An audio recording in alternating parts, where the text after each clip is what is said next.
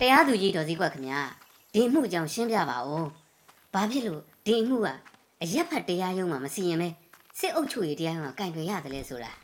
စစ်သားတယောက်ပြစ်မှုကျူးလွန်တဲ့အခါအရက်ဖက်တရားရုံးကမကင်တွယ်ပဲစစ်အုပ်ချုပ်ရေးတရားရုံးကကင်တွယ်တယ်ဒီအမှုအကြောင်းကိုပြောပြရရင်တော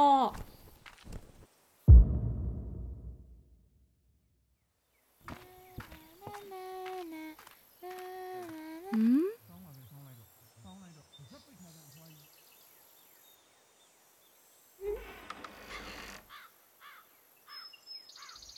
ဖွားငယ်အိမ်ထဲကနေစုဝတ်စုံတဲ့လူတယောက်ထွက်သွားတာတွေ့လိုက်တယ်။ဘာလာလောက်တာလဲဖွားငယ်စီကိုနေတိုင်းလာပြီးအင်ရပစ္စည်းတွေလာလာယူသွားတယ်ဒီနေ့လဲစုထားတဲ့ထင်းစည်းတွေယူသွားတယ်ကွဖွားငယ်ရောင်းစရာဘာမှမရှိတော့ဘူးဘလို့ထမင်းစားမှလဲ။တမီးတို့မိသားစုလဲဘာထူးလဲဒီလိုပါပဲငါလိုဆင်းရဲတဲ့အဖွားကြီးတောင်း ချမ်းသာမပြေးကြပါလား။တမီးတို့အိမ်မှာဟင်းတွေပူတယ်ဒီကိုယူလာပေးမယ်လीဂျေစုပါပဲတမီးရဲ့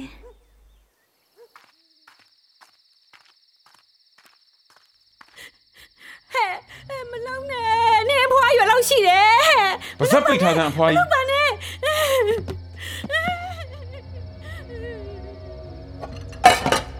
ကဲကြပါအောင်ရှင်ကဲကြပါအောင်ရှင် ကဲကြပါအောင်ဒီမှာဖွားငယ်ဒုက္ခရောက်နေလို့ပါကဲကြပါအောင်ရှင်ကဲကြပါအောင်ရှင်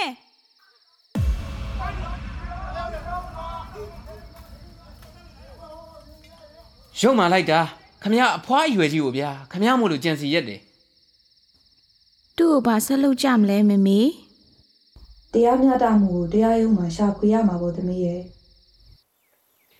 စစ်အုပ်ချုပ်ရေးတရားရုံးကဒီအမှုကို9နှစ်ပဲထောင်ဒဏ်ချမှတ်လိုက်တယ် ဒါအရက်ဖက်တရားရုံးကချမှတ်တဲ့ပြစ်ဒဏ်အောက်နဲတယ်ရွာသူရွာသားတွေကဝိုင်းဝန်းပြီးတရားမျှတမှုရှာဖွေကြလို့ဒီအမှုကရုံးပေါ်ရောက်လာတာနော်မဟုတ်ရင်မေးပြောက်ခံရမယ့်အမှုဖြစ်သွားနိုင်တယ်တရားမျှတမှုအတွက်လူတိုင်းကပူးပေါင်းပါဝင်ပြီးရဲရဲဝံ့ဝံ့ရက်တည်ရမှာပဲ